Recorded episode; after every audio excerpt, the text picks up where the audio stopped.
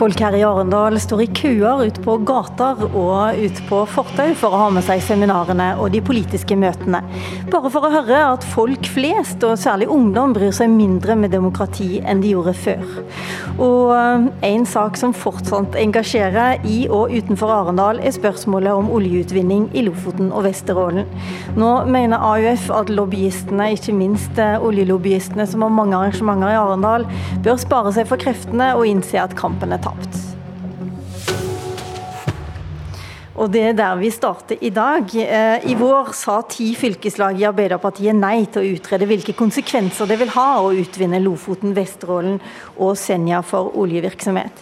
I forrige uke sa også ni av elleve lokallag i Nordland Arbeiderparti nei takk. Uten Arbeiderpartiet er det ikke flertall for konsekvensutredning, men eh, du gir ikke kamp, opp kampen for å få det til eh, likevel. Karl Erik Skjøtt Pedersen, administrerende direktør i Norsk olje og gass. Hvor lenge skal du holde på? Det er et stort flertall i Stortinget som går inn for at man vil gjennomføre en slik innhenting av kunnskap for å se om det er grunnlag for å drive olje- og gassvirksomhet i det området.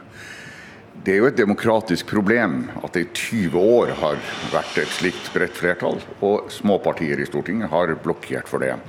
Og Da syns jeg det er betenkelig hvis man sier at Saken, til tross for et stort flertall i Stortinget, lar seg ikke gjennomføre. Derfor bør, man, eh, derfor bør man la være å stå på det som man mener er saklig riktig. For å komme litt inn på det vi skal snakke om senere, ser du på det som et demokratisk problem? Ja, jeg gjør det pga. at det er, og det har i veldig lang tid vært et stort stort flertall i Stortinget som mener at det er viktig å gjennomføre en konsekvensutredning. Det er et spørsmål om å hente inn kunnskap i tråd med den beste tradisjonen vi har i norsk oljepolitikk, om å bygge på best mulig kunnskap. Og når da en liten del av Stortinget uh, har kunnet blokkere det i lang tid, så betyr det at det store flertallet ikke får gjennomslag for det det er stort flertall for. Det mener jeg er et demokratisk problem. Men hørte du ikke introduksjonen her? Eh, Arbeiderpartiet ligger an til å snu. Eh, det viser de fleste solmerker nå, og ikke minst demokratiske vedtak. Tror, og da er det ikke flertall lenger? Eller? Arbeiderpartiet har et landsmøtevedtak som gjelder for fire år. Og som bl.a. Eh, LO-lederen så tydelig har understreka, så gjelder Arbeiderpartiets program. Det gjelder for fire år. Jeg kan ikke forestille meg at noe politisk parti endrer sitt politiske program i løpet av perioden. Det er det de har bedt om tilslutning fra befolkninga til ved valg. Mange har stemt på det. Det er en forutsetning at alle de ulike programpostene står fast. AUF-nestleder Ina Libak, det er vel også et demokratisk poeng at eh, foreløpig så sier Arbeiderpartiet absolutt ikke nei til oljeutvinning i Lofoten og Vesterålen. Hvorfor syns du han skal gi opp kampen da? Altså jeg synes Det er ganske rart å påstå at det er et demokratisk problem at folk er engasjert i den saken. her. Altså Det er jo nesten ingen sak som har skapt så stort folkelig engasjement som Lofoten, Vesterålen og Senja. Og Da synes jeg man bør lytte til folket, hvor flertallet i folket er imot. De berørte kommunene er imot. Og nå stadig flere lag og fylkespartier i Arbeiderpartiet. Og heldigvis er jo Arbeiderpartiet også et levende demokrati. Eh, det er jo nettopp det som er poenget med å avholde landsmøter, er jo at man kan snu i saker. Og særlig når man nå ser at Nordland Arbeiderparti, f.eks., som er det fylket det gjelder, har snudd den saken så bør man lytte til det. Så tenker jeg at man virkelig bør begynne å se på hvor man skal sette grensen for hvor langt eh, man skal gå når det gjelder oljeindustrien. Og Her mener jeg det går en helt tydelig grense. Dette er noen av de mest sårbare områdene vi har i hele Norge. Her er vi nødt til å sette en grense for oljeindustrien. Det er ikke et være eller ikke være for norsk olje og gass, dette her, men det er et være eller ikke være for om vi klarer å si jo noen områder er faktisk for sårbare til at vi kan gå inn der. Vi hører Kjøtt Pedersen at eh, eller letevirksomheten er for så vidt én ting, men også utvinningstakten det kommer til å gå ned i årene framover. Hadde det ikke vært lurt av dere å fokusere mye mer på andre steder nå, som eh, mulighetene og motstanden er mindre? Mulighetene er større? For det første så er jeg veldig glad for at f.eks. leder i Nordland Arbeiderparti, ordfører i Bodø, er så tydelig på betydninga av oljevirksomheten i nord, og setter et klart skille mellom det og diskusjonen om Lofoten, Vesterålen og Senja. Så eh, er jeg enig med eh, Ina Libak i at det er viktig at det er et folkelig engasjement generelt i, i politiske spørsmål. Men hva som er flertall og mindretall i befolkninga, det kommer til uttrykk ved valg. Og det er altså et overveldende flertall i Stortinget for at man skal gjennomføre en konsekvensutredning. Det har det vært i veldig lang tid, og det er derfor jeg sier det er et demokratisk problem at det flertallet ikke kommer til uttrykk. Så kommer jeg fra en kystkommune.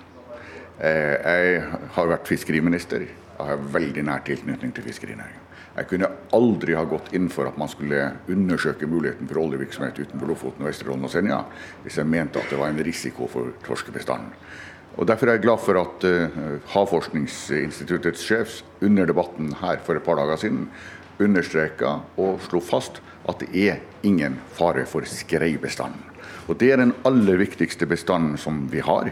Og Det er gjort grundige undersøkelser som dokumenterer at selv om du skulle få det aller verst tenkelige utslipp på det verst tenkelige sted på det verst tenkelige tidspunkt, og selv om all fisk som eh, larver og egg som kom i kontakt med, eh, med øh, olje, skulle bli ødelagt, så ville det ha relativt små virkninger for bestanden. Og Det er for meg vikt, en viktig konklusjon. Var ikke du på det seminaret, Libak? Nei, der var jeg ikke, men jeg lener meg på de 90 rapportene som er skrevet om dette området her. Det er knapt noe område i Norge vi har så stor kunnskap om. Og de rapportene som er skrevet, de viser at det er for farlig å drive oljevirksomhet her. Vi kan ikke ta sjansen på det, både for fiskeribestanden, men også for de sårbare naturområdene. Eh, og så vil jeg si at politikernes oppgave er også å lytte til signaler i folket og gjøre det som er det riktige å gjøre på sikt. Og her mener jeg at norsk olje og gass er nødt til å ta inn over seg at det er ikke sikkert at olje kommer til å være så lønnsom som det det er nå, så langt frem i tid. Det er mye som kommer til å være vanskelig når det gjelder klima, men én ting som i hvert fall burde være lett, det er å si nei til akkurat dette området her. Som jeg er enig med Kalerki, det er ikke først og fremst et klimaspørsmål, fordi olje det slipper du like mye klimagasser eh, overalt, uansett hvor det er. Men dette er et sårbarhetsspørsmål, dette er et naturspørsmål, og her er vi nødt til å sette en grense. Hvis vi ikke klarer det, så kommer vi heller ikke til å klare å sette en grense noe annet sted. Veldig ofte når man diskuterer oljeutvinning og CO2-problematikk, så snakker man om Lofoten, Vesterålen. Har det vært for mye fokus på det? Du antyda det for meg i går. Jeg mener eh, at dette området er spesielt pga. det jeg sa nå. At jeg mener at dette setter en grense på sårbarhet. Men selvfølgelig er jeg redd for eh, at man fokuserer på Lofoten, og Vesterålen og Senja så mye at man glemmer å diskutere de andre tingene på olje. For det er jo helt reelt, uansett hva, eh, hva oljelobbyen her i Barendalsuka sier, de er en sterk lobby, så har vi helt andre tall som viser at det er ikke sikkert at norsk olje og gass kommer til å være lønnsom i fremtiden. Vi har også helt klare tall som viser oss at vi må la to tredjedeler av olje og gass i verden bli liggende under bakken hvis vi skal nå togradersmålet. Da er Norge nødt til å begynne å gjøre noe. Vi kan ikke omstille oss på den måten som norsk olje og gass vil, fra ett oljefelt til et annet. Vi må begynne omstillinga nå. Men dette er det her, få, kan jeg bare spørre Skjøtt Pedersen, er det lettere å få aksept andre steder? F.eks. i Barentshavet, som også er for så vidt omstridt, men det, vi hører jo ikke så mye om det. Det er et stort grunnlag for eh, oljevirksomhet i Barentshavet, som det sannsynligvis også vil være utenfor Lofoten, Vesterålen og, Senja. Norge bygger store deler av vår velferd på inntektene fra oljevirksomheten. Da er olje av den art at da må man finne nytt for å kunne videreføre aktiviteten. Det er derfor vi er opptatt av leteområder. Men så vil jeg understreke at Ina Libak har rett i at det er mange rapporter eh, om eh, mulige aktiviteter utenfor Lofoten, Vesterålen og Senja. Men jeg håper at hun da også understreker at de to tunge rapportene som er om torsk, de er helt entydige på at det er ingen, absolutt ingen fare for torskebestanden selv i de aller verst tenkelige utslippene som er. Kan jeg bare spørre deg, Den debatten føler vi har tatt en god stund nå. Ja. Eh, Høyre og Fremskrittspartiet, de som virkelig ønsker eh, utvinning i olje i Lofoten og Vesterålen, i likhet med deg, de mener at Arbeiderpartiet har vingla veldig i denne saken. At de er på en glideflukt, de står ikke fast. Deler du den oppgittheten over ditt gamle parti? Det, det, var, det var, akkurat det jeg skulle komme inn på. på grunn av at eh, Det grunnleggende spørsmålet her er jo ikke diskusjon for og mot. Det grunnleggende spørsmålet er at AUF mener at Arbeiderpartiet skal endre innholdet i sitt program ett år etter at det er vedtatt. Jeg kan ikke forestille meg at uh, Ina mener at uh, programposter som AUF fikk et knapt flertall for på landsmøtet sist, eller som var del av et kompromiss på andre områder, bare skulle gjøres om ett år etter. Det gjelder selvfølgelig også på dette området. Derfor er jeg glad for at Arbeiderpartiets leder har vært tydelig på at han står på Arbeiderpartiets program. Det er selvsagt. Det er også selvsagt at man ikke skifter program etter ett år inn i stortingsperioden. Ja, jeg mener at det er, ja, det er, ganske mye nytt som har kommet nå. Det er flere fylkespartier som har snudd. Det er et mye større flertall i befolkninga enn noen gang før. Det viser at vi kan ta den kampen her nå. Se på arbeidsplasser, se på mulighetene i nord, men si nei til dette sårbare området. Ok, nå er vi i gang igjen, tror jeg. Vi setter strek der. Det er under, under konferansen her, eller samlinga her, jeg er aller mest glad for, til at vi har fått en ny undersøkelse som viser at av de som har tatt standpunkt, så har 86% av befolkninga mener at det er viktig å videreføre olje- og gassvirksomheten. Det er det aller viktigste. La oss eh, si at vi kommer tilbake til temaet. Nå skal vi skifte. Abonner på Politisk kvarter som podkast, og få sendingen rett til din mobil. Det kan være litt vanskelig å ta inn her i Arendal, men for fire av ti nordmenn så er det ikke avgjørende viktig at de bor i et demokrati. Det kommer faktisk fram i en rapport som NHO lanserer på denne demokratifesten som arrangørene liker å kalle Arendalsuka. Her er det jo sånn at De som skal ha plass for å høre om næringslivets perspektivmelding f.eks., de må stille opp en time i forkant. Men når man da kommer inn der, så får man høre at eh, demokrati er viktigere for eldre folk, godt voksne folk, enn det er for de unge. Hvorfor er næringslivet så bekymra for det, Ole Erik Almli, du er fungerende sjef i NHO? Ja, Som borgere vil jeg også være bekymret for den utviklingen, men fra bedriftenes perspektiv så er det veldig bekymringsfullt når du får ustabilitet. Og når du får manglende tillit, og dermed også svikt i forhold til det å få tro på demokratiet, så er det bekymringsfullt for oss. For da gir det mer ustabilitet, mindre forutsigbarhet, og det er vanskelig for bedriftene å operere i et sånt marked. Men generelt må jeg jo si at vi bor jo i et tillitsbasert samfunn. Så vi er jo egentlig et bolverk mot mye av det vi ser utenfor uh, Norge. Dere advarer også mot uh, større ulikheter. Uh, mm. Ja, du kan ta ja, det selv. Ja, vi er jo bekymra for ulikhet. En av, en av de, I den perspektivmeldingen du viser til, så er det en av de viktigste driverne for mindre tillit. For har du ulikhet, så er det ofte basert på at du har vekst i et land, f.eks. basert på globaliseringen så er det noen som ikke blir en del av det. Andre blir en del av det. De som ikke blir en del av det og ikke får det overskuddet da, som du får f.eks. av åpen handel, de får jo ikke tillit til institusjonene. De tror ikke på styresettet, og du får polarisering. Dermed så får du uro. Det har vi sett i USA, vi har sett det mange steder i Europa. Det får vi høre mer om etterpå. Men dette er ikke bra for bedriftene. Det er jo ikke bra for noen må jo være bekymret på alle vis, men jeg syns dette er veldig bekymringsfullt for bedriftene. Når f.eks. halvparten av eh, de som er mellom 30 og 39 år eh, egentlig ikke syns at eh, altså, De sier jo ikke at demokrati er uviktig heller, men det er ikke spesielt viktig for dem. Simen Ekan, ser du trekk av det som du har studert ute i Europa? Du har skrevet bok bl.a. om folket der meg og høyrepopulistiske bevegelser. Eh, ja, altså Denne undersøkelsen ligner jo veldig på, på, tilsvarende undersøkelser både i andre europeiske land og i USA. At det har skjedd et eller annet de siste fem årene, eh, til og med. Der, mm, ti, ti, ti, årene, fem årene. Der man har en sånn følelse av at eh, demokratiet ikke lenger svarer eller gir meg det som jeg forventer da, som borger. At man føler enten åpenbart at man ikke har jobb eller ikke ser noen framtidsutsikter. Og så er det rett og slett ikke lenger sånn at man tenker at demokrati er der hvor jeg må endre dette, der hvor dette kan skje. Eh, og, og, og grunnen til det er jo f.eks. I, i mange søreuropeiske land at man har mista tillit, tilliten til de etablerte partiene. Man føler at det parlamentariske demokratiet som er, tjener seg selv og ikke meg som ung eh, velger. Og så mister man også parallelt med dette ikke minst sånn som vi ser i USA, at, at um, de viktigste institusjonene i demokratiet mister tillit. At pressen angripes, uh, at rettsvesenet angripes, at internasjonale avtaler angripes. altså Hele liksom, reisverket for det som vi kjenner som det parlamentariske demokratiet angripes. Og det er klart at Dette får jo også en, en effekt, tror jeg, og uh, gjør at folk ikke riktig liksom, tror på systemet. På men Dette høres jo veldig dramatisk ut, og vi ser det er dramatiske tilstander i Sør-Europa også. men kan ikke vel så mye verre at folk i Norge er litt sånn apatiske. De har liksom eh, Ja, det går jo fint her, og det er ikke så stor forskjell. Almlid? Ja, jeg, Resonnementet til Ekern er helt enig, og det fører til ustabilitet. Men se på i Norge, da. Eh, så har vi også en enda større andel enn tidligere. Voksne andel som er utafor arbeidslivet. Vi har ungdom som ikke fullfører videregående. Vi har unge menn som ikke kommer seg i arbeid. Så vi får en sånn todeling i Norge som er veldig farlig, og som også er i grunn til at de ikke har tillit. Jeg kan jo forstå det. ikke sant? Den, det livet vi lever, og det landet vi lever i, når du ikke får del i det, så blir det mindre tillit mellom de og de som styrer. Så vi må ha fokus på likhet. Bedriften er opptatt av det, fordi det har noe med stabile, stabile rammevilkår. Muligheten til å tilby folk arbeid, f.eks. Da må du ha tillit til at du kan drive det du driver med i mange år framover, og ikke bare føle den usikkerheten som polarisering ofte fører til.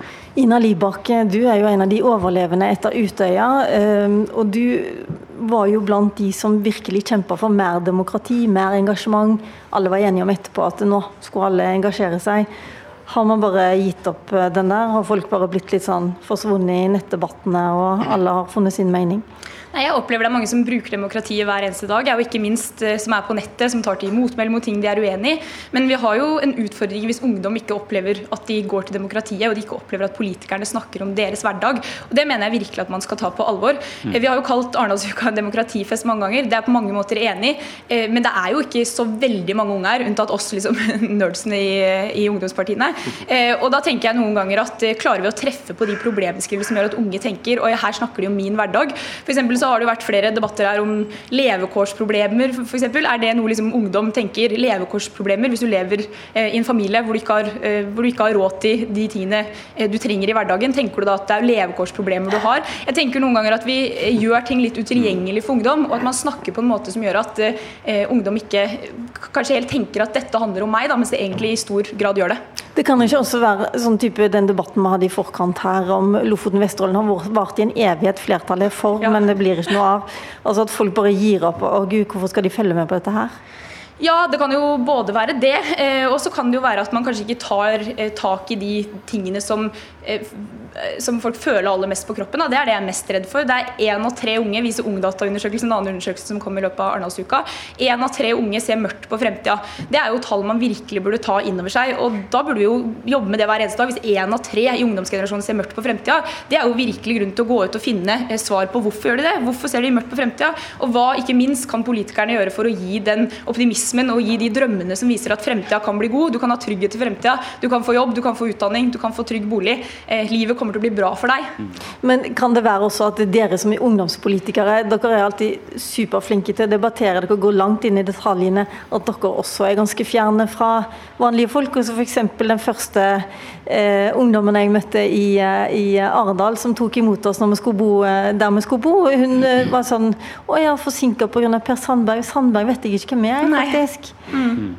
Ja, jeg tror jo når man ser AUF, og det gjelder de andre ungdomspartiene også, så er det jo et mangfold av folk der. Eh, der har man liksom alt fra folk som har droppa ut av skolen til folk som får sekser i alle fag. Så sånn sett så er jo ungdomspartiene en av de arenaene hvor man har et stort mangfold og får inn mange stemmer. Men selvfølgelig har vi også en vei å gå, og det tenker jeg, hvis det er noe liksom etter Arendalsuka jeg har tenkt på, så er det at man bør gå i seg sjøl både med hva slags språk man bruker om politikk, ting som egentlig er ganske virkelighetsnært, føles noen gang virkelighetsfjernt når man er på seminarer. Jeg har sittet i debatter sjøl hvor tenkt sånn Oi, hva er det egentlig dette om, liksom? Fordi det er lange, innfløkte innfløkte ting. Og også på det med problembeskrivelsene. Klarer vi å svare ut det? Eh, og klarer vi å treffe på de drømmene de drømmene politikerne leverer? Er det egentlig eh, de drømmene man er opptatt av? Eh, Amelie først. Ja, jeg synes det er veldig gode poenger. og jeg tenker at Noe av det aller viktigste vi skal svare opp, da, det er å sikre at folk har jobb. For at det Tryggheten med at du kan få jobb, er det aller viktigste. Og Vi er jo et tillitsbasert samfunn. Vi er jo en del av den norske modellen. ikke sant? Vi har trepartssamarbeid, vi jobber godt. Og tillit hos oss har jo vært en av de største økonomiske kapitalene vi har. For Det er tillit som gjør at vi klarer å omstille oss så fort, for det har vi alltid klart. Tillit som gjør at arbeidstakere og arbeidsgivere klarer å prate sammen uten at det er mistenksomhet, men vi, vi låner hverandre muligheter, og så løser vi utfordringer bl.a. med å skape arbeidsplasser. Så jeg tror at det aller viktigste dugnaden vi skal gjøre sammen, det er å sikre at vi har riktig kompetanse til unge mennesker og de som er i jobb, og at vi skaper de jobbene. Så vi faktisk har muligheten til å ha jobb. Vi kan ikke leve med at en stor del av befolkningen er utenfor jobb. Det er ikke verdig, verken for de eller for oss. Hvor viktig er det at folk ofte lever i litt parallelle verdener også? At eh, pressen f.eks. ikke er noe nødvendigvis alle følger med på Simen Ekan? Jeg jeg tror det er helt avgjørende. Altså, eller det er en veldig viktig uh, årsaksforklaring til det her. fordi altså, Det er mange grunner til at vi har tatt demokrati for gitt tidligere. Én ting er liksom at det er kanskje vanskeligere å forholde seg til uh, demokrati som en sånn um, altavgjørende verdi. Hvis man er født etter Berlinmurens fall, f.eks., så glemmer man, så husker man ikke at, uh, hvorfor folk var så glade den gangen. Liksom. Jo, det var jo fordi demokratiet kom. eller generasjonen som opplevde krigen, så er de åpenbart veldig glade for at det er demokrati. og Sånn er det ikke, eh, sånn er det ikke nå. Men jeg tror litt det at folk, hvis man lever litt i sine egne verdener, så har man også altså En effekt av den eh, oppsplittelsen og isoleringen er jo at folk forventer eh, at Eh, demokratiet må svare på mine uh, bekymringer akkurat nå. Akkurat mine personlige bekymringer. At politikken har blitt redusert litt til å finne liksom, gode svar til hva er det du trenger, du velger. Mens de store kollektive prosjektene som partiene eller ungdomsorganisasjonene kanskje jobb, må jobbe mye mer for å få med seg folk på å tenke at ok, vi, vi må bygge dette her sammen. da. Det er ikke bare dine eh, bekymringer som, som, som, man skal finne gode løsninger på. Vi, det var det vi rakk om demokrati her, men demokratifesten fortsetter i I hvert fall en dag, to dager til. Hjertelig takk for nå. Mitt navn er Lilla Sølhusvik.